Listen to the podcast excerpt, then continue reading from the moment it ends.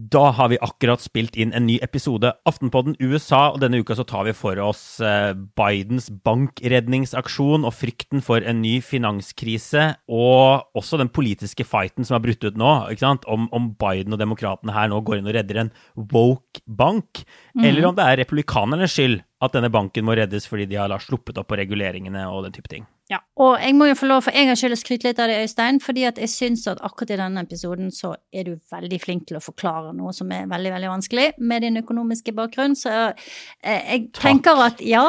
Eh, det, vi skryter jo ikke veldig mye av oss sjøl, da, men akkurat her, så dette her er kjempevanskelig, men det er veldig viktig, og det blir viktig, antagelig viktigere enn vi hadde trodd, mm. i valgkampen fremover. Så, så, denne episoden kan du høre på og faktisk lære litt av eh, Øystein Langberg, eh, som også er økonom i tillegg til korrespondent. En gang i tiden, i hvert fall. Og så tar vi til slutt, da, og bare for å bryte opp dette tunge banktemaet, eh, og kårer eh, noen Trump-kallenavn og ser på hva han burde kalle Ron DeSantis.